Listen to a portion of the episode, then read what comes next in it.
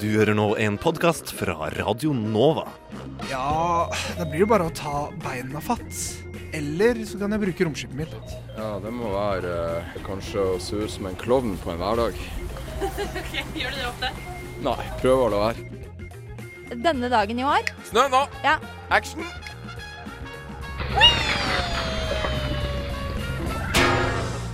Nova Mix.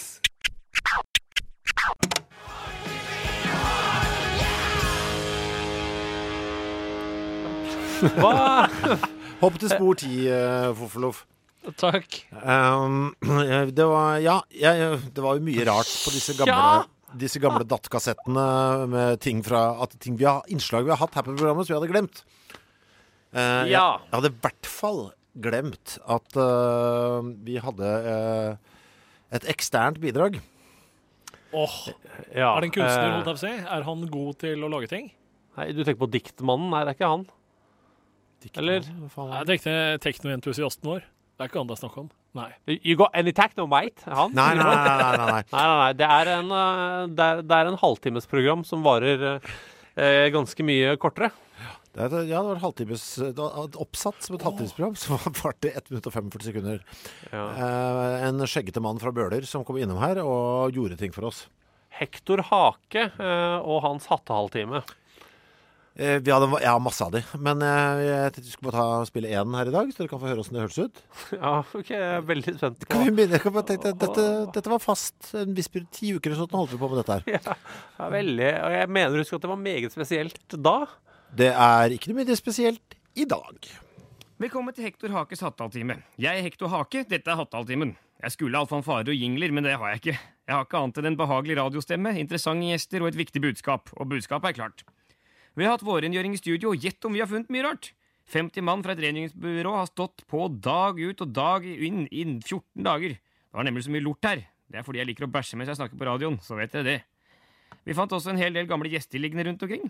De fleste var i relativt god behold, og for å spare tid har jeg bestemt meg for å la en av dem, min søster Nina Hake, være kveldens gjest. Og med fare for å bli beskyldt for å være litt intern, vil jeg fortelle henne litt om enkelte for meg traumatiske opplevelser fra barndommen. Nina er min storesøster, og det skal ikke legge skjul på at det er blitt en enkelt episoder opp etter. Og Nina, det første jeg husker var at du slo meg med en vanvittig stor spekeskinke. Jeg var ni år, og du var 13. Du må ha vært spenna gæren. Jeg kunne blitt skadet for livet, men vi var jo små barn. Du visste kanskje ikke bedre. Så var det et par år etter. Jeg var åtte år og den yngste formannen i elevrådet noen gang. Du var 14 og litt på kjøret.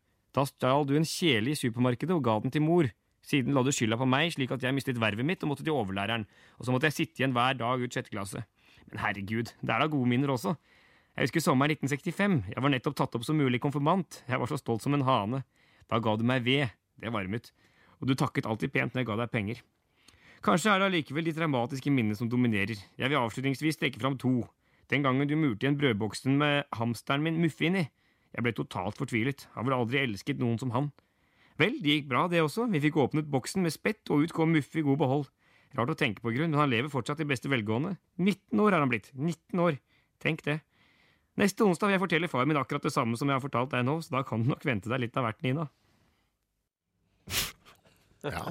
ja. Eh, har du mange av disse liggende? Ja, det har jeg. Kan vi spille uh, så mange som mulig? Ja da. Det er uh, Hector av time. Surret og gikk her på det glade 90-tall som et eh, ja, et fast punkt på Kveldskveldsprogrammet. Jeg lurer på om det begynte i 93 eller noe. Ja, gudene vet. Jeg skal ta med noen flere hakere uh, uken som kommer.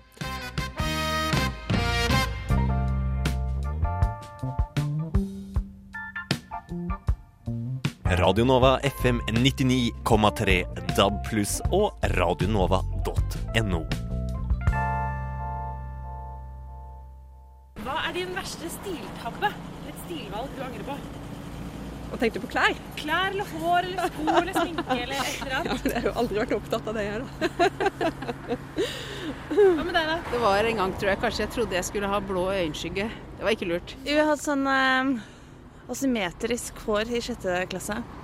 Kort på den ene siden og langt på den andre. Helt grusomt. Shit. Ja, det må være eh, kanskje å se ut som en klovn på en hverdag.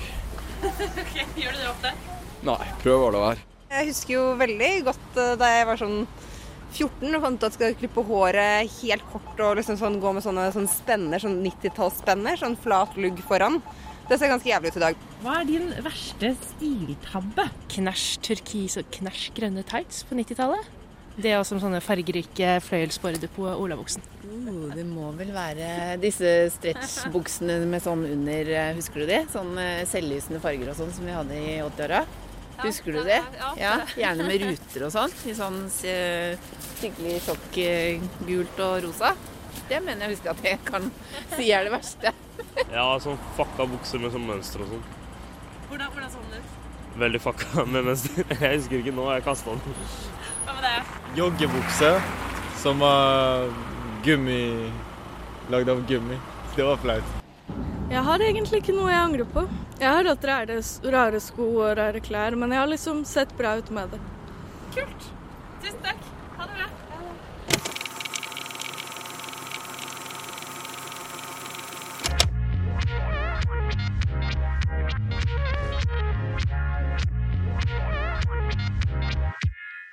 Du hører nå en podkast fra Radio Nova.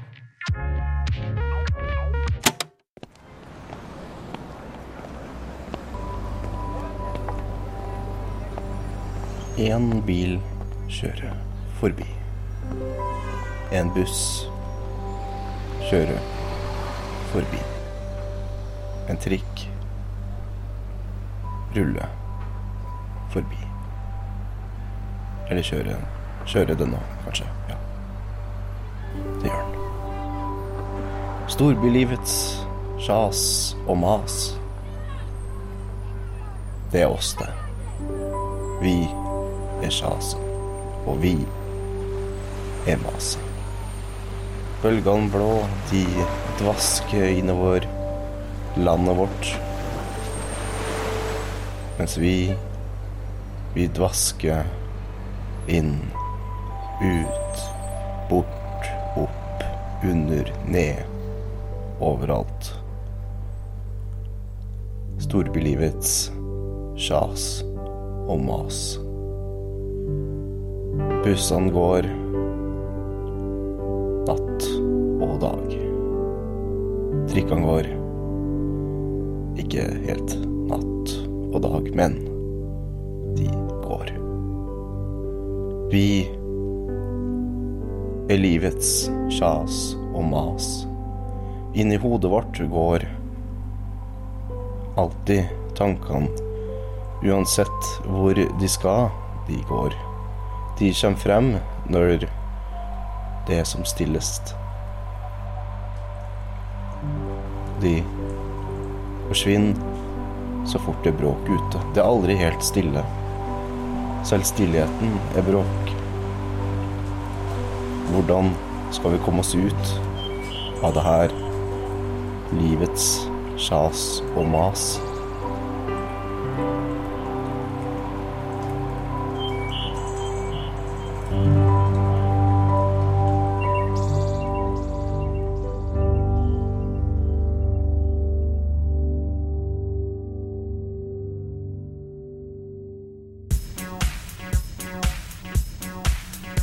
Taket med Vitenselskapet.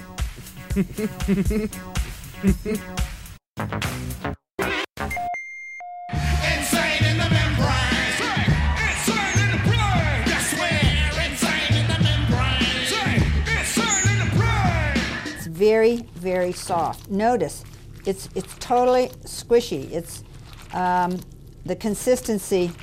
It's much softer than most of the meat you would see in a market. Jeg befinner meg nå utenfor Rikshospitalet, hvor jeg skal prøve å finne noen svar. Jeg har nemlig et drøss med spørsmål florerende rundt i hjernen min akkurat nå. Og det er jo nettopp hjernen jeg har spørsmål om. F.eks. kan man leve med bare en halv hjerne? Og hva med hjernetransplantasjon? Det skal jeg forhåpentligvis finne noen svar på akkurat nå.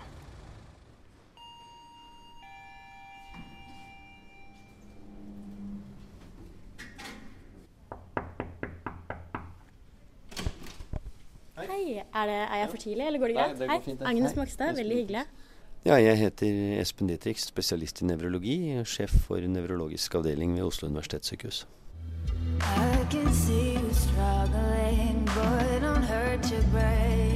Ja, det går an å kutte bort eh, en del av hjernen. Det ser vi jo stadig vekk. F.eks. folk som får hjerneslag eller andre sykdommer hvor det er større eller mindre deler av eh, hjernen som eh, faller bort. Og da er det sånn at i hjernen så er det en veldig stor arbeidsfordeling. Og det er helt avhengig av hvilken del av hjernen som faller bort, eller som blir skadet. Hvis noen får et stort hjerneslag hvor de skader en god del av venstre hjernehalvdel, så kan de både miste all språkfunksjon og bli helt lamme i høyre side av kroppen. Så da kan selv et relativt begrenset hjerneslag eller en hjerneskade gi svære utfall. Tidligere trodde forskere at hjernen sluttet å utvikle seg etter de første leveårene. De trodde også at dersom et bestemt område av den voksne hjernen ble skadet, kunne ikke nervecellene danne nye forbindelser eller regenerere, og de funksjonene som ble kontrollert av det skadede området av hjernen, ville være tapt for alltid. Ny forskning har imidlertid snudd opp ned på dette gamle synet. I dag vet man at hjernen fortsetter å reorganisere seg selv gjennom å danne nye nerveforbindelser. Hjernen forandrer seg gjennom hele livet, og eh, når vi lærer nye ting, når vi husker ting, så skjer det ved at eh, hjernecellene danner nye koblinger eh, mellom hverandre og, og lærer å sende signaler på nye måter. Og, og Enten man pugger franske gloser eller lærer å spille bordtennis, eller man prøver å trene seg opp igjen etter en hjerneskade, så er det egentlig de samme mekanismene man bruker. Så det er læringsmekanismene som er der. Og, og hvis du har en, en, skade som har ødelagt delvis en del av hjernen, så har du mulighet til, nettopp ved å bruke læringsmekanismer, til å trene opp igjen funksjonen. Så kan man egentlig bare leve med en halv hjerne? Ja ja, det kan man gjøre. Eller når vi snakker da, så snakker vi nok om storhjernens halvdeler. Under storhjernen ligger hjernestammen. Der ligger bl.a. pustesenteret. Og, og, det klarer vi oss ikke uten.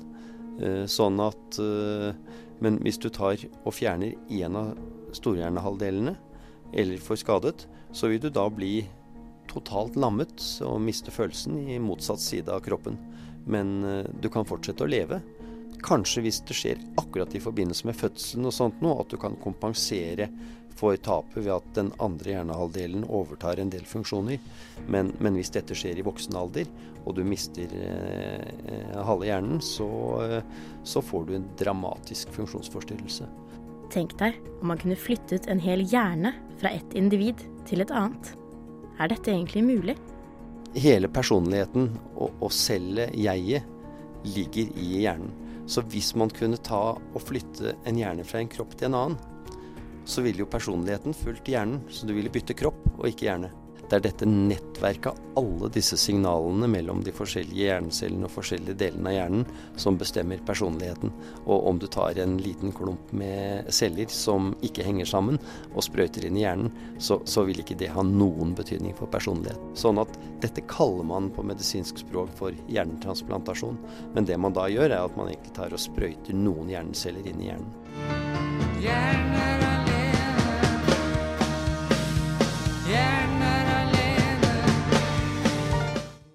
teoretisk sett så kan man jo holde en hjerne i live hvis den er koblet til eh, en eh, hjerte-lungemaskin. Sånn at uh, du kan holde en hjerne i live utenfor en kropp. Uh, og så er jo spørsmålet hva du vil kalle det. Men uh, det du egentlig har gjort, er fjernet kroppen. Altså, hjernen klarer seg uten en kropp, men vi greier oss ikke uten en hjerne. Men vi er jo egentlig hjernen, og vi trenger en kropp. Who can say for sure? Perhaps a frontal lobotomy would be the answer.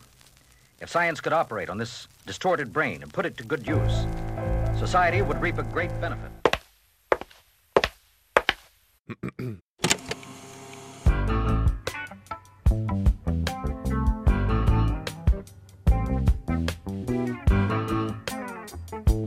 You're listening to Radio Nova.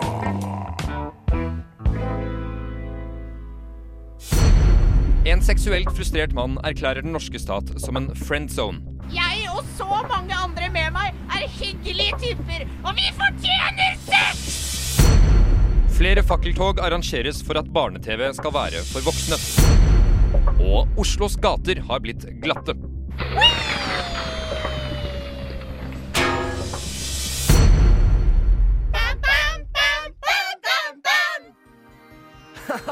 Hei og velkommen til Radiotjenesten Junior! din snille fantasivenn som beskytter deg mot de slemme guttene i skolegården vi kaller norsk offentlighet. Norsk offentlighet? Satirehunden Muffe, er du her også? Selvfølgelig, din tøysekopp. Jeg er alltid her. Men hvem har du med deg i dag? Jo, Muffe. I dag har vi med oss tjenestepikene Julie på 11 og Emilie på 12. Og tjenestepjokkene Mikkel, Brage og Vemund på 9 og Dagfinn på 58. Uff, så spennende! Ja, ikke sant? Og tjenestepike Julie, hva har du å melde i dag? Melde? Ja, hva har du å fortelle oss i dag? Å ja. Eh, Jeg står her inne på kontoret til Erna Solberg, statsministeren, og her lukter det skikkelig promp. Æsj, kanskje hun har svelget en kamel? Ja, for her lukter det i hvert fall ikke roser. Ja, for som vi lærte i forrige uke, er rosen Arbeiderpartiets logo. Og Erna Solberg er i hvilket politisk parti, Julie? Eh, venstre? Nesten! Hun er i Høyre. Ha det til deg, Julie. Ha det! Oi, nå fikk jeg nettopp inn en fin tegning sendt inn av Lukas fra Kirkeseterøra, hvor en kjempestor støvel sparker mulla Krekar rett i rumpa. Kanskje litt slemt, men her i Radiotjenesten Junior har vi ingenting imot litt høyrevridd humor. Ja, men det var alt vi hadde i dag. Si ha det, da, dere. Ha det! Men følg med neste uke. Da har vi dette å melde. Vi besøker Stortinget og spør hvorfor politikk er så kjedelig.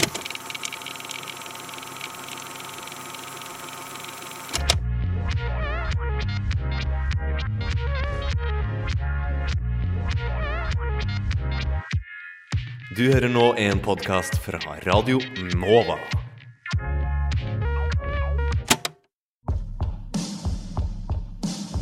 Så begynner jeg å tenke på ja, jeg er jo egentlig ganske eh, sur på den norske stat. Og jammen skal jeg gå og klage. Hvor går jeg da? Klagenemnda.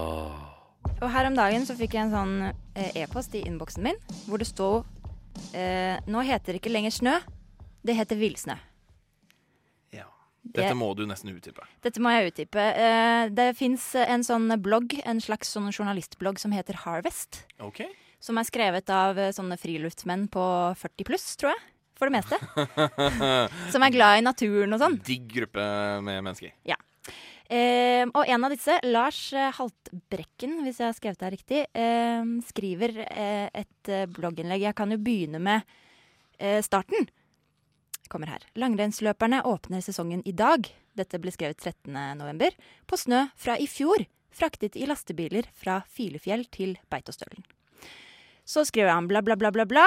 Klimaforskere forteller oss at det blir mindre villsnø i framtida. Skisporten blir avhengig av kunstene. Kunstsnøen kommer snikende inn i språket, og om noen år er det den som blir snø. Men snøen jeg er vokst opp med, den blir vill. Så nå har vi altså kommet så langt at vi eh, ikke lenger Altså vi må skille mellom den snøen som er menneskeskapt, og den som Gud har skapt i himmelen, eller hvem det er som skaper den. Naturen. Naturen, ja. ja. Gud sitter ikke der og drysser melis over oss. Altså, Altså noen ser jo for seg det. ja, ja, for så vidt. Englesnø og sånn. Men altså Jeg vet Ja. Og da tenker jeg sånn eh, Da er det på tide å bli bekymret. Jeg, jeg tenker Altså, jeg ble jo sjokkert. Jeg, jeg tenker at det er nesten grunnlag for å bli litt forbannet. Uh, fordi at uh, Forbannet? Ja, Forbanna? Uh, forbanna. Eh, det, har, det virker jo nesten som denne Lars eh, Holtbrekke. Eh, Ha- Haltbrekken, ja. Det er vel generalsekretæren eller lederen i Naturvernforbundet eller et eller annet sånt i tillegg. Eh, han kan da umulig leve i dette landet her! Det er snø hele tiden! Det Er jo mye mindre snø. Ja, altså det er Ja, det har kanskje avtatt litt fra da vi var unge. Men altså, det går nok fortsatt ikke en vinter uten at det kommer liksom en snøstorm ut av en annen verden og lammer hele hovedstaden i dette landet. Det er jo ikke, det er ikke sånn folk liksom da står på gata på morgenkvisten og Jeg vet ikke, er dette her villsnø? Er det er, er, Dette har jeg ikke sett før. Er det villsnø, eller? Ja, er det bare- bare er se det Bymiljøetaten som bare- kjører rundt her og leverer kunst? Bare se for deg ti år fra nå, så kommer det til å være sånn derre eh, hva, hva heter det? Sånne der snømaskiner som står oppe i bakkene. Ja. De drar man ned til Oslo sentrum, Ja. på julaften kanskje. Ja. Og så er det sånn OK, vi kjører snø denne dagen i år. Snø nå! Ja. Action! Og så blir det Og så trenger man ikke de der brøytebilene lenger og sånn. Så sier de sånn uh, Nå har vi gitt dere snø, Oslos befolkning. Nå må dere være fornøyde og holde kjeft. Ja, nei, jeg syns dette her er bare rett og slett utrolig dumt, da. Men det er meg. Du tror ikke at det kommer til å gå Nei, inn i jeg tror ikke ordboka? det. Nei jeg, nei, jeg tror ikke det. Og jeg, jeg tror at det er liksom Han, han eh, bruker nok denne type retorikk for å skape liksom en, en sånn skremselsbilde av hvordan fremtiden kommer til å være. Eh, jeg tror fortsatt at folk kommer til å kunne gå på ski eh, i Nordmarka som de har gjort så lenge jeg har bodd i denne byen, i hvert fall. Eh, og det er ikke, er ikke noe fare på ferde, ferde her. Det jeg er interessert i, er hvorvidt eh, meteorologene endrer på bildet sitt eh, når de viser fram eh, på TV-en. At de endrer sånn Her er det villsnø, her er det kunstsnø. Kanskje de har to forskjellige typer eh, snø. Nova. Nova. Nova Mix. Det er jo ofte slik at man ikke er helt fornøyd med livet sitt, og at man drømmer om å leve livet til en annen. Kanskje en kjendis som Lene Alexandra eller en politiker som Anders annonsen. Så vi i Frokost vi ønsker å teste ut om gresset er grønnere på den andre siden. Og hvem er vel bedre til å teste ut livene til enn eh, våre egne? Ofte ønsker man at man var en annen. Frokost tester ut hvordan det 79年からずっと6年余り Hvordan det er å leve som en annen. それはずっと歴史を振り返ってみると Kenneth lever som August. Du, skal leve, du har levd som Jeg har August, levd som Kenneth. August, ja. Herregud. Digg liv. Eh, Du er veldig fornøyd med deg, August. Ja. Jeg er veldig fornøyd med det. Smiler som bare eh, Det var helt eh, Nei, jeg, Ikke vil- si jeg vil noe- ikke si noe. ikke Jeg, si man noe skal få høre sjæl. Men du, så August har fortalt deg tre ting han gjør, Mm. og så har du testet det ut i løpet av den, den uka, Uka som som har har vært. gått nå, ja. Mm, Mm. mm. Og hva var det første du testa ut? Det første jeg skulle gjøre, som jeg syntes var litt sånn eh, jålete til deg å være, var å sove med sånn derre øyebind. Sånn han sov med som Paris Hilton sov med på natta. Nattbriller. Nattbriller. Ja. Eh, Natta blir ikke den samme uten. Uh, jo, natta blir vel Eller vi får høre. hva Skal vi høre blir. på den nå, hvordan ja. det gikk? Ja.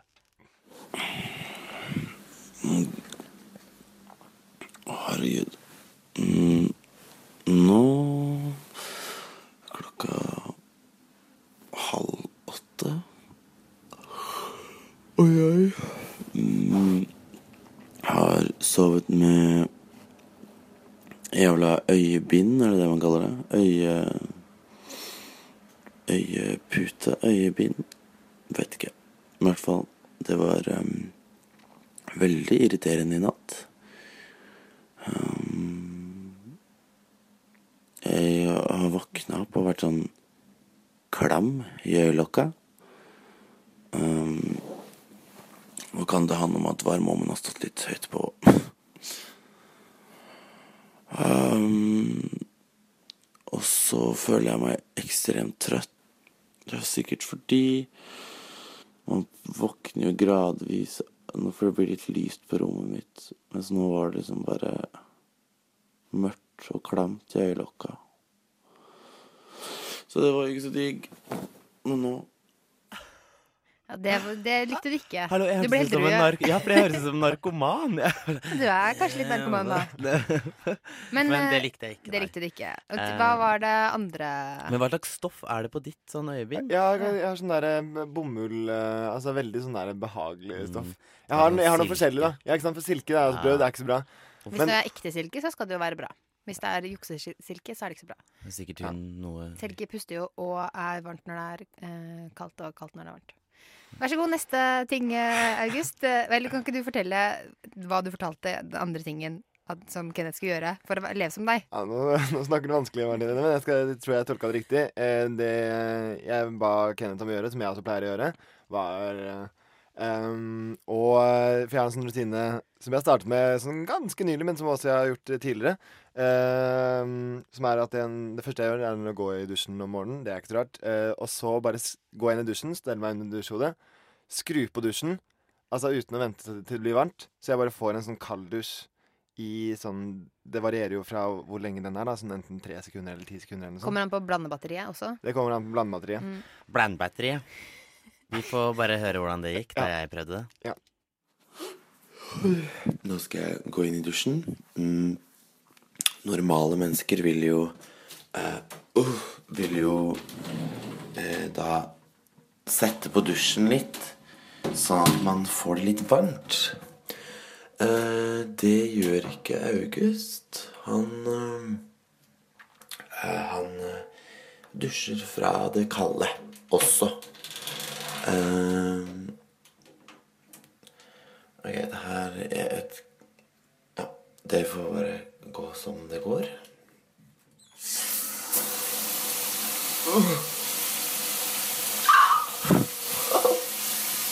Nei, nei, nei. nei. Ah, Ok, ok, nå begynner det å bli varmt. Der. Au, oh, nå ble det veldig varmt. Au. Konklusjon. Eh, August, du kan dra tilbake til Langhus og ta på deg noen dreads og haremsbukser og vær så jævla miljøvennlig du bare orker. Jeg gidder i hvert fall ikke. Ok, det var funka ikke så bra. Nei, og dårlig start på dagen. men da gjorde én ting til også, Ja. du levde som August. Men du, du, du er jo sur, holdt jeg på å si. Altså. Jeg er litt Men fordi han må være deg, så blir han sur. Hei, hei, hei. hei. Men uh, den siste tingen, hva er det for noe? Det, Hva er det for noe? eh, det er at jeg skal spise Coco Pops Ja, og oh. høre på jazz. Åh, Og det høre er på jo- jazz. åh, Ok, ja, skal det, vi høre hvordan det det- må jo det- løfte av dagen til 100. Ok, vi får høre på det. Mm. Nå spiser jeg også um, Coco Pops og hører på litt jazz, for det liker August.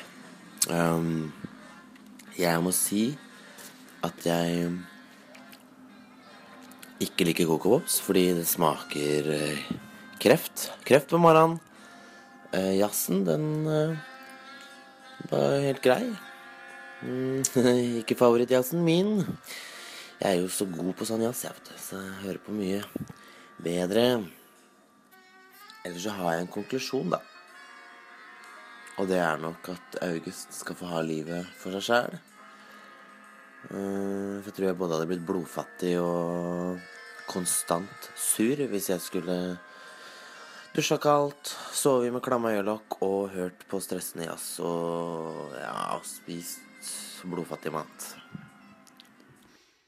Ja, vet du hva, Kenneth? Du pleier nesten aldri å bli flau, men jeg har aldri sett deg så rød. Jeg jeg blir så flau. Ble så flau av å leve som August. Fordi jeg var så sur den dagen. Jeg beklager det. Jeg tror at jeg kunne sikkert jazzen og Coco Pops. Coco Pops er helt OK godt. Det er bare Det det er ikke helt smaker ok, det er helt forbanna jævla godt. Å ja, nei, så bedre er jeg ikke. Og jazzen, jeg syns jazz er drithyggelig. Mm. Eh, men, og dusjen det hadde jeg egentlig bare syntes var gøy, men jeg var litt sur den dagen, så det Mm. gjorde preg. Og da ble jeg litt sånn flau av å høre på at jeg var så sur. Det var ikke noe vits å være så sur, tenker jeg. Kenneth. Nå må du roe deg Det kan jo være at det er sånn du alltid er, bare du vet ikke. Å, herregud. Det kan kan godt være. Eh, så ja, vi får bare konkludere med at uh, det er ikke drømmeliv å leve som August. Nei. Det får være konklusjonen.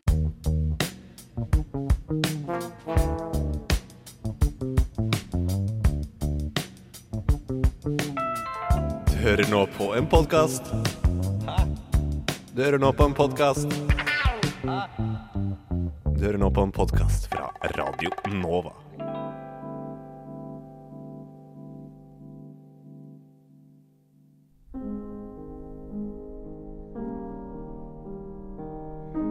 Det hadde vært så sinnssykt stas å se ut som Scarlett Johansson, tenkte jeg da jeg tok frem sminkeskrinet. Sinnssykt stas. Men så ble det bare mas. Prøvde å følge en tutorial på YouTube, men det ble liksom bare Bluetooth da jeg fant ut at jeg ikke hadde riktig type eyeliner. Det hadde vært så sinnssykt stas å sminke seg som en Kardashian. Og se glamorøs og stylish ut, komplett med en sånn kjempetrut som alle vil ha nå for tiden. Men leppene var for små, og liplinerne for få, og huden for grå, og så kom jeg ikke på hvordan jeg skulle konturere nesen riktig. Jeg tenkte at det hadde vært sinnssykt stas å matche ansiktet til kjolen, og prøve ut noe fra 50-tallsskolen. Det så så greit ut, tenkte jeg. Men det var før jeg skulle ta på rød leppestift. Det går jo ikke an. Den var for rød. Den endte opp overalt, og min ønskede look forfalt nokså brutalt. Det hadde vært så sinnssykt stas om det var så enkelt som på film. Men det er det ikke. I fremtiden tror jeg jeg skal holde meg til litt maskara.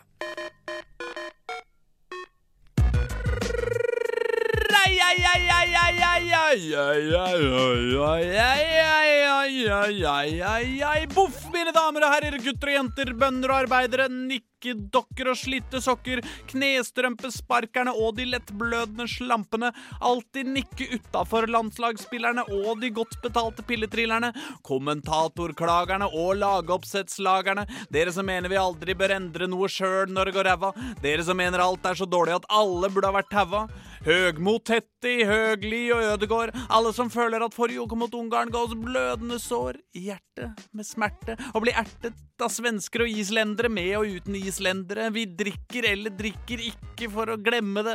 Medgangs-, motgangs- og pausesupportere, og ikke minst alle dere som aldri gir opp håpet. Velkommen til Spillmatic, verdens beste radioprogram om dataspill, hiphop og et og annet bitte lite innslag av nesten sjølmordsutløsende fotballentusiasme. Vi er ikke her for å sutre over tapte pasninger og håpløse kamper. Vi er ikke her for å klage over talentløse bondetamper. Vi er her for å juble og le og danse nakne i radiostudio på Chateau Neuf over vakre spilleøyeblikk, enten de er på en TV-skjerm med en bitte liten mobiltelefon, eller på den, for den saks skyld på en blodtrimma PC med vannkjøling, luftputegrafikk og prosessorkraft som kunne sendt oss til månen og tilbake, i det minste virtuelt. Og der fikk dere den, konspirasjonsglade lyttere. Uansett, de to taperske typer som i sin ensomme tosomhet sitter i studio i dag, er meg, Aslak Borgersrud, programleder, superleder og ledestjerne, og Øystein Engedal, tekniker og vikarredaktør, hvilket betyr at han i dag ikke bare har ansvar for å uttale navnet på en vans masse vanskelige rappartister, men også får det tunge ansvaret det er å fortelle lytterne at vi har en stappfull sending foran oss i dag. Vi er bare to, men vi holder i det minste sammen. Og sammen er vi fuckings jævla kukspillmatic. Og velkommen skal du være. Og fint skal det bli. Det skal bli så fint, Det skal bli kjempefint. Ja. For veit du, Ja. vi har stappfull sending. Vi har det! Ja, vi har det. Å, det er så deilig med stappfulle! Det er mine favorittsendinger. Det er det. Det er de stappfulle. Det er jo alle sammen. Ja, men vi har jo eh, stappfulle sendinger. Altså, vi Ja. har jo årets høydepunkt, vil jo uh, veldig mange av våre lyttere si. Nemlig ja. da Øystein Engedal, altså du, skal, uh, skal anmelde Football Manager. Ja, endelig skal jeg få lov til å anmelde det. Det har jeg sett frem til i et år. Ja, du har det, Ja, ja. ja. Uh, om ikke lenger, faktisk. Ja, oh, ja. Har du nå allerede begynt å glede deg til 2018-utgaven av, eh, av eh, Football Manager? Nei, nei, det er litt for lenge. Ja, men For det er 2016 du, du Ja, anmelder nå? så jeg er 2017. den gleder jeg meg til. Ja, men, men den Men har du gleda deg til en stund allerede? 2017? Ja, den har jeg gleda meg litt til allerede. Ja. Siden, uh, siden jeg starta spillet, så begynner man litt sånn Ja, Ja, her, kan, her kan du gjøre noe. Ja, så, ja, kan, ja. ja. Men 18, da, det er, det er som sjakk. Altså, Jeg klarer ikke å tenke så mange trekk forover. Å, nei, du gjør ikke det, nei. Men det er kanskje det som er din svakhet? Ja, det kan man absolutt si. Men du har jo veldig imponerende hår, Øystein. Tusen takk, Aslak. Det- Så, så det er ikke bare dårlige sider. Nei, nei, nei. Jeg kan, eh, jeg kan leve med bra hår, med mye annet dårlig. Ja, eh, Bra hår, men, eh, men litt eh, dårlig evne til å tenke langsiktig. Og mange Ja. trekk. Det, ja, ja. To vanskelige. Sånn er livet. Ja. Jeg skal snakke litt om, eh, om et, eh, et mobilspill som jeg burde ha spilt for lenge siden, som jeg endelig har spilt, og som er dritkult. Men jeg sier ikke hva det er, for det får dere høre etterpå. Oh, spennende. Nova Mix.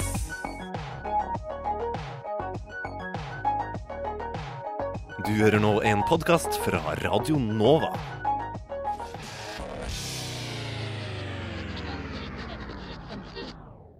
Torsdag 6. november vedtok studentparlamentet å danne en komité for miljø. Leder av SPUIO, Julie Paus Knutsen, sa til universitetet at dette er historisk.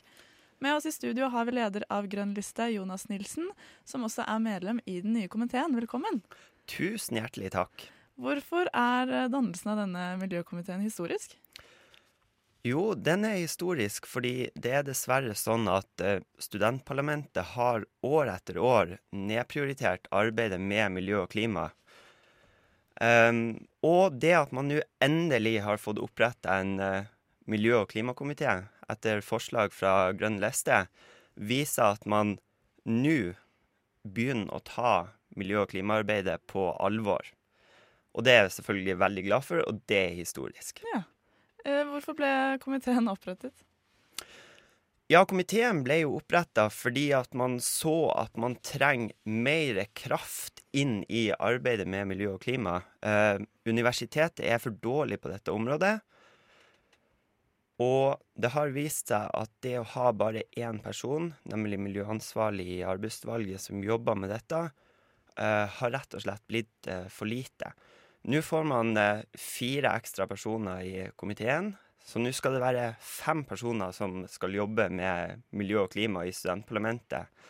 Så det er klart at man får en helt ny kraft eh, inn i dette arbeidet. Men eh, trenger Blindern en egen miljøkomité? Ja, det er heva over enhver tvil, altså. Og det trenger man fordi at universitetet er for dårlig på miljø- og klimaarbeid. Eh, og der har jeg lyst til å trekke fram to eksempler som jeg syns er veldig slående. Uh, universitetet har jo et mål om at man skal senke energiforbruket med 15% innen 2020. Og det målet har man hatt i flere år nå. I fjor, uh, i 2014, er det første året hvor man har klart å senke energiforbruket noe som helst. Og det klarte man, står det i miljørapporten fra Universitetet i Oslo, pga. en usedvanlig mild vinter. Så energiforbruket er ikke blitt senka pga. noe som universitetet har gjort, men pga. at vinteren har vært usedvanlig mild. 2014 var det varmeste året noensinne målt i Norge. Det andre eksempelet er det som går på transport. Eh, universitetsansatte reiser med fly. Ei årlig ei strekning som tilsvarer 56 turer tur-retur måneden. Og vi vet at mange av disse turene og reisene er helt eh, unødvendige.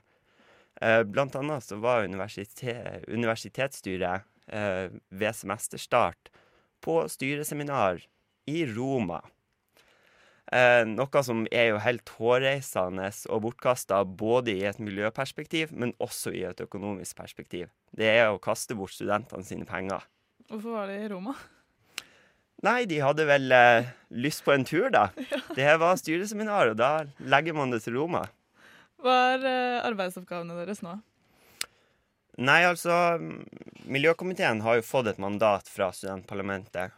Uh, og dette er et veldig ambisiøst mandat. Vi skal både arbeide for å få gjennomslag for studentparlamentet sin miljø- og klimapolitikk, uh, og vi skal også løfte fram saker og utvikle en ny miljø- og klimapolitikk for, uh, for studentparlamentet.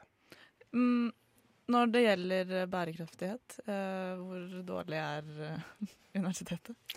Ja, altså, jeg har jo allerede vært, eh, vært innom dette. Og som sagt så har universitetet en rekke miljø- og klimamål. Eh, ingen av de har man eh, nådd enda, enda man har hatt de i flere år. Og man er ganske langt fra å nå de aller fleste. Um, Nå skal det sies at det er i det siste blitt et bedre trøkk på miljø- og klimaarbeidet også i eiendomsavdelinga. Uh, så det ser lysere ut framover. Men det er helt nødvendig at studentene bidrar til å holde trøkket oppe på dette arbeidet. Eh, hvordan eh, kan universitetet bli bedre, da? Snakker vi vanlig kildesortering, eh, enkle grep? Nei, altså, her snakker vi en, en totalitet. Det er et hel rekke med tiltak som må innføres for å senke klimagassutslippene, for å senke energibruken, for å øke kildesorteringsgraden, eh, men også for å få miljø og klima inn i utdanningen og forskningen. Og forskninga. På hvilken måte har, eller skal komiteen være en faglig ressurs for studentparlamentet? Ja, det som jeg, eh, som jeg var litt inne på, egentlig. Komiteen er jo bredt sammensatt av personer fra flere forskjellige lister og studentutvalgene. Um, så det er klart at det er samla mye kompetanse. Og da skal komiteen i tillegg til å jobbe med å få gjennomslag for studentparlamentet sin klima- og miljøpolitikk, også bidra til å utvikle ny klima- og miljøpolitikk. Komiteen skal sette seg inn i det faglige grunnlaget som, eh, som finnes, for å finne ut hvilke tiltak er det universitetet bør eh, gjennomføre, hva er det man må sette fokus på, og hvor ligger de største miljøgevinstene. Hvor eh, får dere midler fra for å drive komiteen? Ja, altså, komiteen har jo ikke noe særlig budsjett, fordi den har jo ikke noe særlig utgifter. Det blir mest til eh, kaffe og en eh, pakke kjeks på møtene. Ehm, så eh, vi har egentlig ikke noe særlig finansiering. Her er det ren dugnad og frivillighet. Hvordan blir arbeidet deres fremover nå? Nei, nå skal vi eh, vi har, Jeg kommer faktisk rett fra det første møtet i miljøkomiteen nå, eh, hvor vi også hadde invitert miljørådgiver i eiendomsavdelinga. Eh, så nå kartlegger vi først eh, muligheter. Hvor er det vi ser potensial?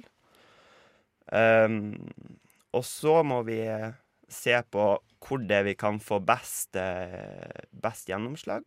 Hvordan vi skal jobbe. Ehm, ja. Ja. Hva forventer dere av dere selv, da? Ja. Ja, jeg kan jo vanskelig snakke for de andre, uh, men jeg forventer at uh, miljøkomiteen bidrar til at det blir et, uh, et, helt nytt tempo i studentparlamentet sitt miljø- og klimaarbeid.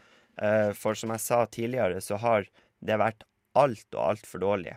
Så jeg forventer at det blir et nytt trøkk nå, at eh, klimakomiteen løfter fram eh, klima- og miljøsakene. Og at de bidrar til å få gjennomslag for studentparlamentet sin politikk. Da ønsker jeg dere bare lykke til. Tusen hjertelig takk. takk. for at du kom, Jonas Nilsen.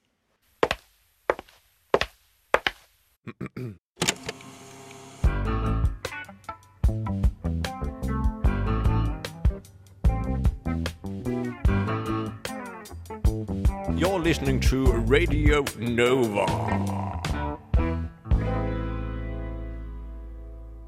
Hi, and welcome to the Midweek Project happening this time on a weekend. This is something new that we're trying here at Radio Nova. It's an English language news program where we discuss the news from an international perspective.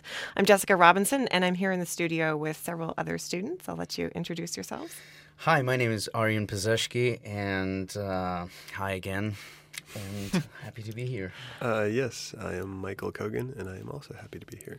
I'm James Bukowski, and I'm more than happy to be here. Oh, amazing. Excellent. Well, coming up, we're going to be looking at the issue of minority languages and the media. And then toward the end of the program, we're going to be hearing about a series of events coming up this week in Oslo that are designed to prove to you that you really can do something about climate change, even though you're just one person at the local level. But first, we're going to delve into a serious topic, uh, looking at the aftermath of the recent events in Paris and what it means for our perceptions of safety and terrorism and personal freedoms. Um, as as we talk right now, Paris continues to be on high alert after the attacks just over a week ago. Brussels is under the highest possible terrorism alert level that they can have. Police are warning people to avoid crowds. Their metro is closed. There's a possibility, they're saying, of serious and imminent attack in the country. And um, this is raising a lot of questions for people both in France and in Europe and really around the world about what this means for the safety that we can expect. And uh, it's changed perceptions just within the course of a week of what we need to do to maintain safety and what we're willing to give up.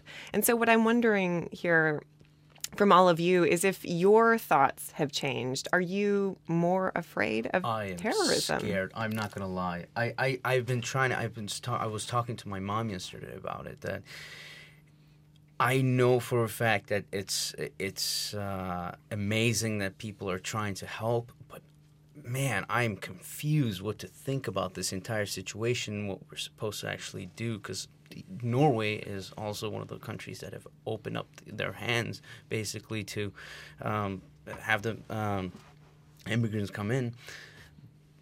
It's not i it's just confusing at this time. I was just not so sure what to do or what to think. I was just talking about how, Yeah. how they're deciding to take away uh, the weapons from the police and how that's so strange to me In this Norway. time. yeah in norway is, that's yeah. that's a debate Although they decided to postpone that. they okay Yeah. well James, was was terrorism something that you actively worried about on a daily basis before? Uh, to be honest, um, I think I'm so desensitized as a person of my generation towards uh, violence and uh, terrorism and such. Uh, I remember very very well the uh, the day I was about five years old actually when the uh, trade uh, tr- what's called the World Trade Towers in New York were were destroyed in, an- in an attack on September the 11th in 2001, and so. I have a very, very good kind of understanding that I don't think there's been a year in my life where I haven't heard about such destruction and such misery in other parts of the world. That this has happened in Paris uh, and at such a level and at such a in such a horrific manner is a demonstration not so much of that we should all basically start running for our lives, but the fact that the terrorism that we're so used to seeing in other parts of the world is just as much part as our, of our society as it is in other parts. We can't just we can no longer see terrorism as something that happens over there. It is a part of uh, of of our world now. Um, and in many ways, I think as, as Western individuals, we have to understand that this has happened um, in our in our own backyards, and it's not happened simply because there are some just evil people out there, but because we also provoke these things by going into wars in parts of the world where we once were not present, and so we have to kind of understand and see this in the whole greater picture. And uh, as, a, as, a, as a person of a generation, being a British citizen with my the country that I belong to, uh, going to war in Iraq in 2003, it doesn't surprise me that these things are happening. Uh, I think everything plays a role in the whole picture, and I have to say the terrorism that we've seen recently. Uh, I can't say that it would have been avoided, but I can uh, obviously say that I think that uh, we cannot simply see it as a, as a black and white picture. We have played our role in how terrorism has escalated in the Western world over the past 10 years. Yeah, I, I was really struck by this event. I mean, it's not one of those things that I've ever really been afraid of before. You know, like walking down a dark alley, I've been really genuinely afraid of getting mugged or something. Um, but last night, actually, I was at the movie theater in Oslo, and um, it occurred to me that there are like a thousand people in this theater. Um, and it, it could potentially be a target. And it was the first time that I had actually thought about it as a really present issue. And I mean, at the same time, the chances of actually dying in an attack like that are very, very small compared to other things. But it just seems like this changed something for me in a way that the 9 11 events even didn't. Michael, what about you? I, I think just the oh, uh, just the perspective that the media brings to it, just this constant attention and kind of like blazing in blazing red like banners saying this horrible thing has happened and kind of regurgitating it for days and days and days. I think even though it is this horrific anomalous event, we still live in a very safe and largely stable society in the Western world. So to kind of um, give into this fear from this one uh, tragedy is irrational in a way, um, because you do have a lot of like um, intelligence services, uh, police forces uh, working really hard to prevent stuff like that from happening, but even they have gaps. So it's kind of like lightning in human form striking. Exactly. I mean, I was going to mention that there is uh, some statistic I read on the internet, which is a horrible thing to say when you want to create a factual uh, point. But uh, I think there, there was a general kind of uh, statement made by people who've looked at the situation and said you're more likely to fall over in the shower than you are, you know, and hurt yourself and break your back or something than you are to be attacked by a terrorist uh, plot. It, the whole point is that these things are rare. The thing is that we're becoming more and more aware of how much of a how how likely it is it's going to happen with us nowadays. But that doesn't necessarily mean that we need to be frightful and scared every single moment of our life. The point is is that we need to realize um, how we can better prepare ourselves for the future because these things can and will happen.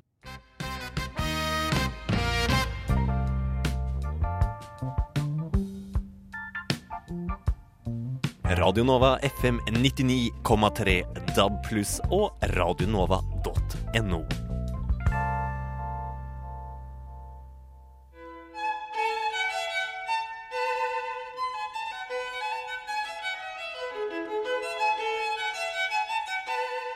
Fjernt fra folk og bylivets kjas og mas, på ei lita fjellknaus på Jupiter, bor Olav Svivelstad heilt isolert fra andre mennesker.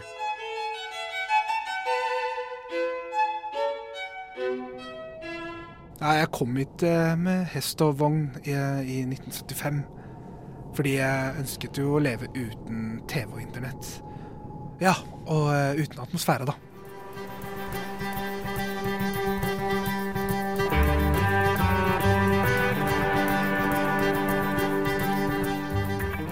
Hvordan kommer du deg opp hit til garden eh, på ei fjellknaus på Jupiter? Det er jo utrolig ulendt terreng.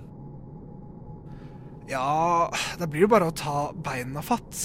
Eller så kan jeg bruke romskipet mitt, da. Hva er det som er så bra med denne plassen? Ja, Det er så klart Altså, det er jo den friske lufta. Og all friheten, altså, på Jupiter. Men eh, finnes det egentlig noen ulemper? Ja, Hvis jeg måtte tenke meg om, så er det jo alle disse partikkelstormene. Og så klart orkanene. Eh, jo, så er det veldig langt til postkassa mi, da. Ja. Og helt til slutt, hva tenker du om Oslo? Nei, Jeg har bare vært i Oslo én gang, og det var altfor mange folk. Eh, skikkelig høye lyder og blinkende lys overalt. Så det var eh, digg å komme seg hjem etterpå og vaske av seg all den byskiten.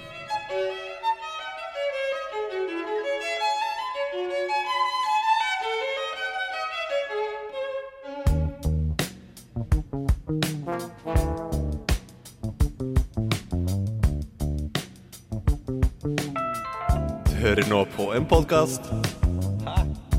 Du hører nå på en podkast. Du hører nå på en podkast fra Radio Nova.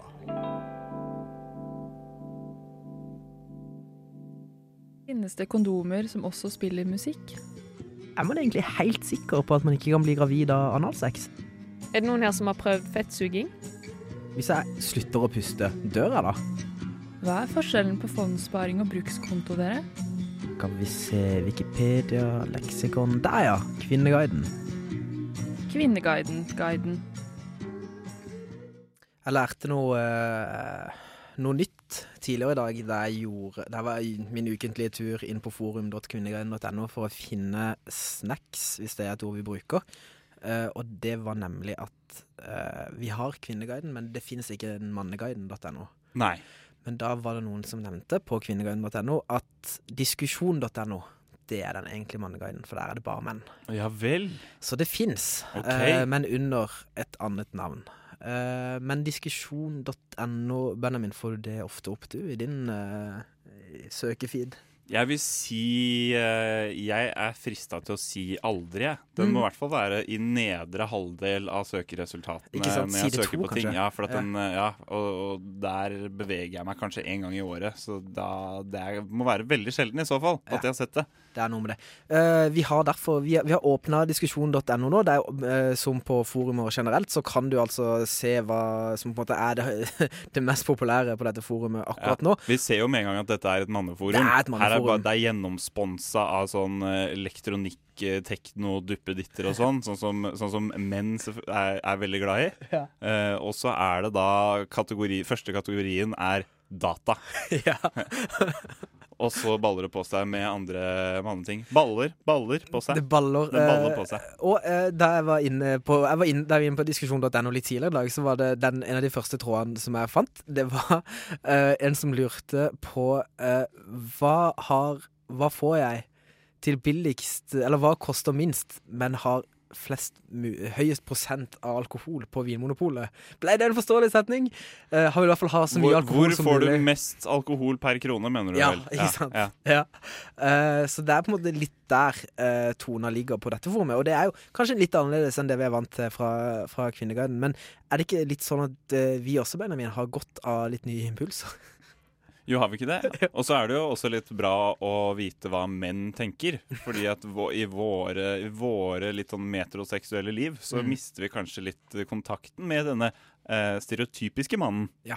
Og her er det mer, kanskje den mer stereotypiske mannen som diskuterer. Mm. Jeg vet i hvert fall ikke om noen, eh, noen Det er ingen jeg kjenner som er åpne om at de diskuterer på diskusjon.no, i hvert fall. Nei. Kanskje det burde vært mer åpenhet rundt det. Kan bare se om, eh, om det er noe her vi, vi kunne trykka litt på nå. Eh, det, er en, eh, det er en her som hevder at Jeg tror dette er snakk om bil. Han sier at det står 'hvit eksos, drikker kjølevæske'. Benjamin, du har jo faktisk litt peiling på bil. Ja, er, dette et, jeg har en bil. problem, ja, er dette et problem du kan kjenne deg igjen i? Nei, jeg trodde eksos skulle ofte var hvit. Ja. Den er litt sånn, litt sånn skjegget til Gandalf-aktig farga. Ja. eh, kjølevæske er lurt å ha. Mm. vet jeg, for Ja. at bilen ikke skal bli varm. Eh, men ellers Nei, men se her, da! Nå har vi gått inn på tråden. Mm. Eh, og vedkommende skriver Hei, jeg har en Opel Corsa, og det er akkurat det jeg også har. Nei, er det sant? Ja. Det er ikke, men det er ikke du som har skrevet innlegget? Nei, dette er en 98-modell, og min er 2004, dessverre. Dessverre. Og det kommer en god del OK. Jeg har en Opel Corsa 98-modell. Hva gjorde du i 1998, Asbjørn? Eh, kan du huske én ting fra 1998? Ja, jeg husker at eh, Friends var inne i en veldig interessant sesong uh, det året, som jeg fulgte veldig nøye med på. Ja. Jeg husker at jeg hadde en extra large T-skjorte med bilde av en hai med blod på tennene. Ja, OK. Mm. For du var tolv, da? Det var sånn fase. Ja, jeg var tolv. Ja. Yes. Ja. Eh, Opel Corsa 98-modell som bruker litt kjølevæske, og det kommer en god del hvit eksos ut av rumpa. På bilen, da, ikke hans rumpe, regner med. Bilen har en tendens til å hoste litt når den kjører. Sjelden det skjer, men kan skje hvis jeg endrer fart. Særlig når jeg kjører sakte i lavt gir. Skifter plugger i dag og skal skifte bens bensinfilter i morgen. Lurer bare på om det kan være et stort problem. Smell om må la mekanikerøyne, bla, bla, bla, bla. Dette er jo et ordentlig spørsmål. Ja. Eh, og så har han fulgt opp med selv og svaret på sin egen tråd. Eh, når bilen ble varm, syntes jeg egentlig eksosen ble normal. Så da var det egentlig greit, da. Ja, OK. Ja. Det er ikke veldig mange brukere innpå her, kanskje, hvis folk må svare på sine egne spørsmål. Nei, det virker egentlig ikke sånn. Og og når, jeg, når du nå leser det spørsmålet, her, så skjønner jeg at det er kanskje en grunn til at jeg aldri har havna inne på dette forumet heller. For akkurat det er noe jeg ikke har googlet spesielt ofte. Men du, Asbjørn. Mhm. eh, la oss si du, du har en bil. Du disponerer en bil. Ja. Du skal starte bilen. Mhm. Den starter ikke. Nei. Hva er det første du sjekker? uh, det første jeg sjekker da, kanskje om jeg har bensin. Ja. Ja, jeg tror jeg sjekker bensin ganske fort. Og så ser jeg, jeg, ser, jeg ser, Vet du hva? Jeg sjekker hva er det som lyser her. Hva er det som lyser på On my dashboard. Eller ikke lyser. Kanskje det er noe som skal lyse, som ikke lyser. Ikke sant? Mm. Ja. Men da vet du hva, det er like langt. Men etter det, da? Ja, da må jeg ringe noen, da. Åpner du panseret?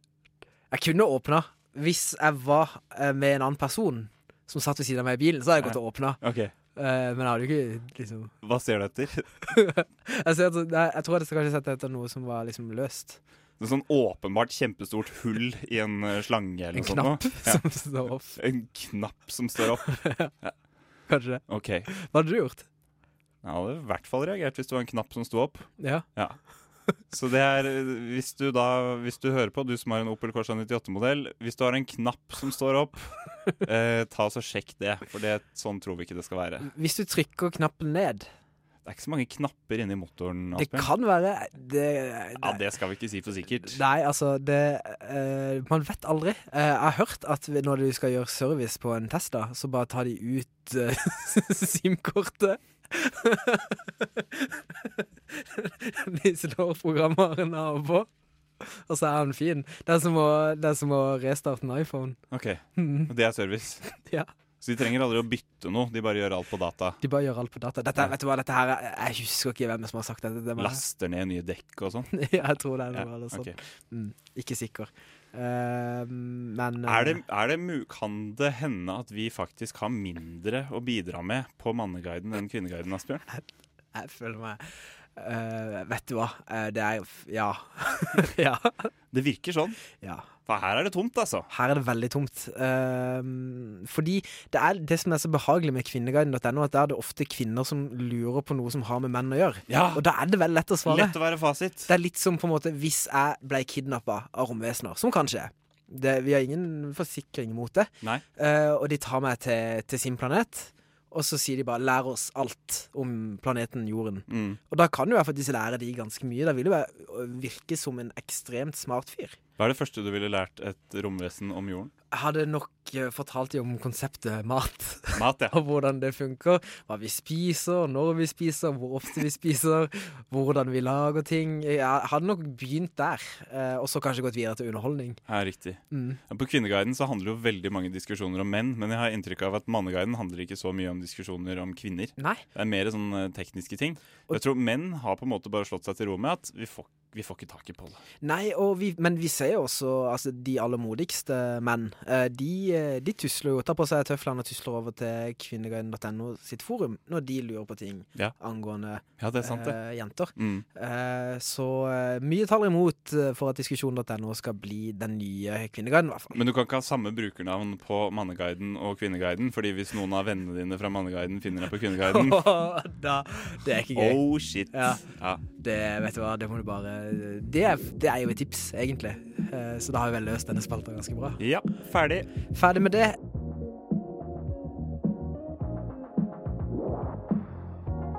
Nova. Nova. Nova. Nova Mix.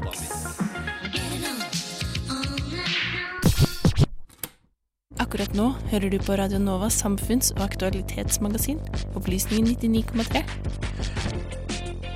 Ja, for med internett og smarttelefon er ikke lenger forbeholdt Vesten. Nå er det lett å kommunisere og overføre penger til andre siden av verden, og små bistandsprosjekter dukker stadig opp. Men hvor effektive er de egentlig? Hvor god er dagens norske bistand, og hva skal til for at den kan bli enda bedre? Eh, For å svare på dette har vi med oss Jo Tore Lind. Du er førsteamanuensis ved Økonomisk institutt ved Universitetet i Oslo. Velkommen. Tusen takk. Aller først skal vi ta litt historie. Hva har tradisjonelt kjennetegnet norsk bistand? Nei, altså Bistand er noe vi har drevet med en, ja, siden andre verdenskrig ca. Eh, litt etter. Altså den store tanken begynte med Marshallhjelpa. Eh, og dette funka stort sett ganske bra i Europa for å bygge opp eh, Europa etter andre verdenskrig. Eh, og så begynte man å tenke at kanskje man burde gjøre noe, noe tilsvarende for resten av verden, fordi man, mye av resten av verden var jo veldig fattige. Så norsk bistand begynte en gang sånn eh, på 50-tallet, sånn i små, eh, små skritt. Eh, det første var vel dette Kerala-prosjektet, hvor vi skulle da eh, få indiske fiskere i eh, Kerala til å eh, bli like effektive som de norske fiskerne. Og måten man gjør det på, er å sende like fine båter som vi har, og så eh, prøver å få dem til å bli omtrent som oss. Et stort prosjekt hvor vi på en måte forteller dem hva de skal gjøre. Eh, og, altså, dette har vært veldig utskjelt, og mange mente at de var helt forferdelige. Og på noen måter så var det det. Eh, men det var nok en del effekter av det også. Men det var litt Noen tjente mye på det, og ikke så veldig mange tjente så veldig mye på det. Eh, men veldig lenge så var det litt dette at vi skal fortelle dem hvordan de skal gjøre det. Vi skal ha store prosjekter, vi skal bygge en vei, vi skal bygge en fabrikk. Vi skal eh, få ting til å fungere sånn som det er i, i Europa. Um, Fram til en gang sånn på 70-80-tallet, hvor man fant ut at dette her funker ikke. Det, Det var litt sånn avlat fra fordums det er tid, litt har du sagt. avlat. Ja. eh, og litt Altså, bare de, bare de blir som oss, så blir alt fint. Eh, og vi vet dette best, så vi må reise ned og gjøre det for dem. Eh, fordi disse stakkarene vet ikke hva de skal gjøre. Um, men så ble det mange store skandaleprosjekter hvor dette altså det, det, det fungerte ikke. Det kunne fungere en stund, og så trodde vi vi hadde fått ting på beina, og så forsvant vi, og så datt alt fra hverandre. Så fra en gang fra 80-tallet så ble det vel en eh, tanke om at um, de fattige landene mer skulle styre ting sjøl. og på eh, Den tanken begynte å komme på 80- og dele, særlig på 90-tallet. Eh, på 80-tallet er det en sånn annen tanke som begynner å komme. At man må legge mer føringer på, på hva landene skal gjøre for å få bistand. Det er på en måte ikke nok at det er fattige land. De må også mm, oppføre seg pent. Eh, og særlig på 80-tallet så var å oppføre seg pent det samme som å ha en minst mulig stat og mm, innføre markeder for flest mulig ting. Altså det som ofte kalles for Washington-konsensusen. Altså en sånn triangel mellom eh, Verdensbanken, IMF og delvis amerikanske interesser, som eh, nok gjerne forbindes med høyresida. Og hvor store deler av europeisk, iallfall venstreside, eh, var ganske skeptisk. Fra um, en gang på 90-tallet um, så fant man ut for det første at den liberalisering, eller li, liberale um, politikken kanskje ikke funka så veldig godt. Altså Den var, førte til større fattigdom, at noen rike kanskje ble rikere, men at de store gruppene ikke vant så mye på det. Og så var man mer fokus på litt det samme som vi hørte i reportasjen. Altså fotballag og sånne små eh, sivilt samfunnsprosjekter. Få, litt sånne ting på beina. For det er et samfunn hvor, hvor ingen hvor ingen, ingen sånne ting fungerer. De, de, det kan på en måte ikke fungere som et land heller. Så man tenkte at man skulle prøve å bygge det litt fra bånn, og så kommer det etter hvert. Og det er en tanke som jeg tror fortsatt er der i stor grad. Um, men Så har det fått- mange ender, av- skalaen, for å si det sånn. Og Veldig mange endra skalaen. Hva vil du si på en måte karakteriserer norsk bistand i dag? Hvis man kan si noe sånt. Det er så enorme mye penger og mange Ja, det, det, prosjekter. er, så det er det er kjempestore si beløp. Det er veldig mye vi, vi bruker penger på. Altså, en av de tingene vi bruker ganske mye penger på, er uh, det som heter budsjettstøtte. Altså at vi støtter statene uh, som er fattige. Og det er på en måte at de vet best hva som er bra for seg sjøl. Så vi bare putter penger rett inn i Man deres? nesten deres? bare putter penger rett inn i statsbudsjettet. Det er litt føringer på hva de skal bruke det til, og litt ettersyn og sånt noe. Men dette er litt skummelt, fordi ganske mye av det kan forsvinne i steder vi egentlig ikke har tenkt det skulle forsvinne. Ja, og det har vi jo hørt om eh, en del ganger også. Ikke sant. Men du har forsket på og skrevet om små bistandsprosjekter, og du har konkludert med at mindre og lokale prosjekter er som regel bedre enn store og nasjonale prosjekter. Hvorfor er du kritisk til de store prosjektene? Nei, store prosjekter eh, er fine på den måten at de er store. altså De kan på en måte gjøre noe stort hvis, man, hvis de funker. Men problemet er at de ofte er veldig vanskelig å få til å fungere. Hva er et Eh, stort prosjekt, bare sånn veldig kort? Bygge en fabrikk, bygge en kjempestor vei, bygge en kraftstasjon. Eh, og- Kraftstasjon, det er et stort kraftstasjon er et stort prosjekt. Eh, og det er et prosjekt som hvis det hadde fungert, hadde vært kjempefint, fordi det trenger de i mange av disse landene. Men det er så vanskelig å få til.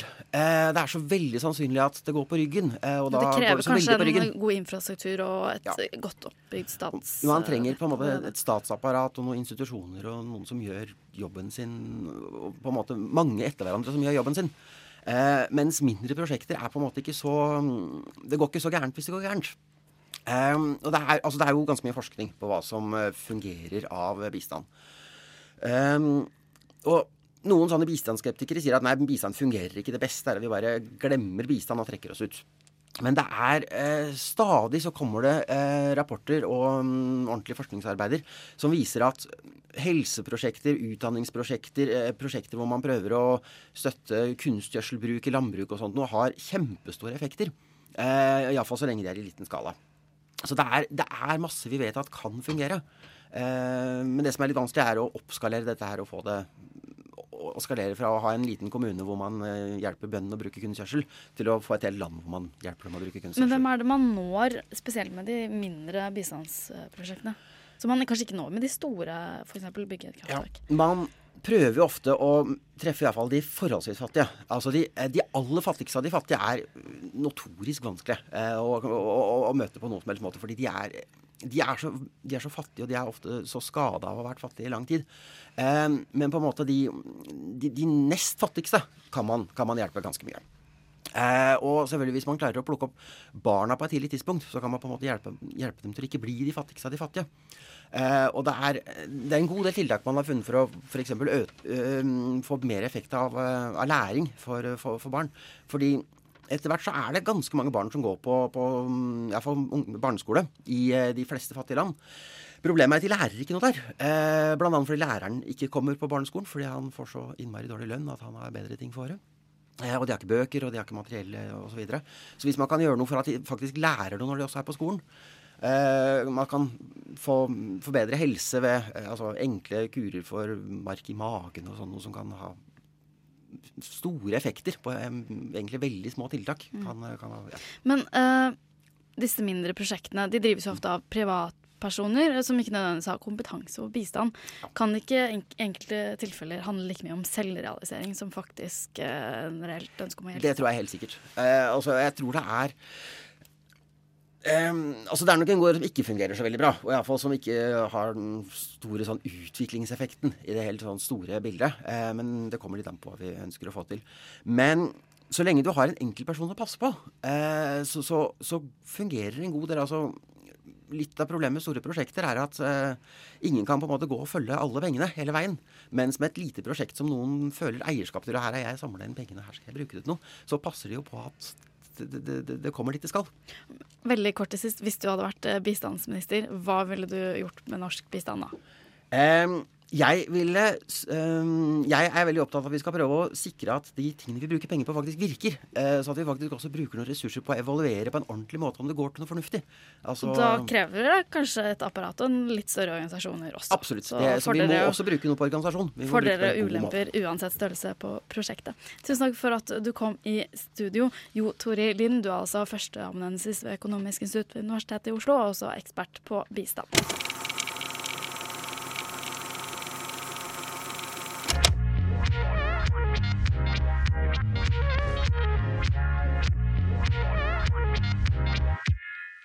Du hører nå en podkast fra Radio Nova. Herregud! Åh, kan ikke jeg fortelle om en ting som jeg pleide å gjøre da jeg var liten? Jo. Ja. Jeg elsker å kle meg ut i sånne klakk-klakk-klakk-sko. Sånne, sånne damesko. Og så pleide jeg å ha sånn der, Dere vet sånn tørkle man har i halsen? Sånn bananetørkle. Ja. Mhm. Så ble det å ha sånn tørkle på hodet og late som at det var langhåret mitt.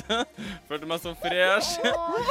og så hadde mamma mange sånne, mange sånne Dere vet overgangen fra, fra de vanlige laken, lakenene altså man har på sengene? Sengetrekk, Ja, eller ja, hva det heter. ja. Uh, og så når man begynte å få sånn stretch-laken, så fikk jeg alle de her uten stretch. da. Oi. Og satan hvor jeg kosa meg! Hæ? Å, det var kjolene mine og kappene mine.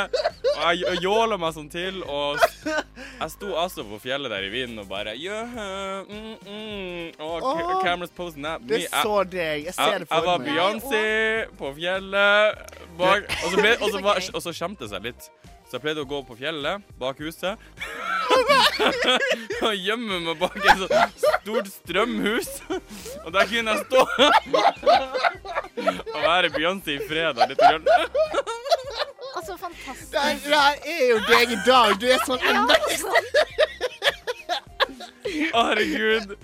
Isteden jeg gikk oppover Buksaveien, så tenkte jeg liksom Jeg hørte på Adele der, og jeg levde meg sånn inni det. Jeg lot som jeg var Adele i hodet!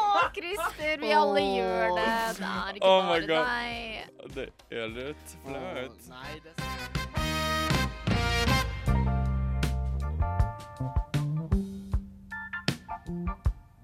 Radio Nova FM 99,3 DAB pluss og radionova.no. Det er en knapp måned igjen til Star Wars-eposet endelig fortsetter. Vi gleder oss, eh, ikke sant, Andreas? Elsker Star Wars. Og det er mange som har sterke meninger om de eksisterende seks filmene. Men én ting alle kan være enige om, er at rekkefølgen én til seks er den ubestridt beste måten å se filmene på. Men hei, stopp en hal. Skal jeg stoppe også? For det stemmer ikke. Vi har fått besøk av en Star Wars-fantast som mener det finnes mange kreative måter å nyte den heseblesende sagaen på. Velkommen til oss, eh, Milke Svemp. Takk. Så Milke, hva er greia? Er det ikke best å se de folkekjære filmene i rekkefølgen skaperne ville? Altså, så avgjort ikke. Det, det er utrolig hvor mye du går glipp av hvis du bare er en slave til George Lucas sin vilje. Vi har f.eks. Eh, machete-rekkefølgen, der man går rett på film nummer fire. Så nummer fem, og så går vi tilbake til nummer to. Så kommer tre, rett før den episke finalen i sekseren. Ikke eneren, Ikke eneren. men den er jo best. Og så har vi megarekkefølgen. Og hva er det? Du starter med nummer fem, og når Darth Vader sier han er Lukes far Spoiler? Så stopper du, setter i den første, så ser du den sjette, så ser du en informasjonsvideo om katter. Så nummer én. Øh, er du sikker på Og at så har vi superduper Sommerland i Bø-rekkefølgen. Da ser du først den kritikerroste filmen Frihetens regn. Så spiser du middag. Fisk. Så ser du toeren. Så ser du treeren. Så tenker du på verdensrommet. Så snakker du med en søt hund. Så ser du femmeren, og så går du ut men, på men, gata men hva med hvem som skjøt først? Hva? Er det også noe man kan leke med? Hvem som skjøt først? Han Solo eller Greedo? Uh, oh, å, se der! Bak deg! En, eh, en dugelig avledningsmanøver! Hvor? Ja, der slo altså Milke Svemp hodet i bordflaten og har besvimt. Fordi hvorfor ikke? Vi gleder oss uansett til nye eventyr i verdensrommet i desember.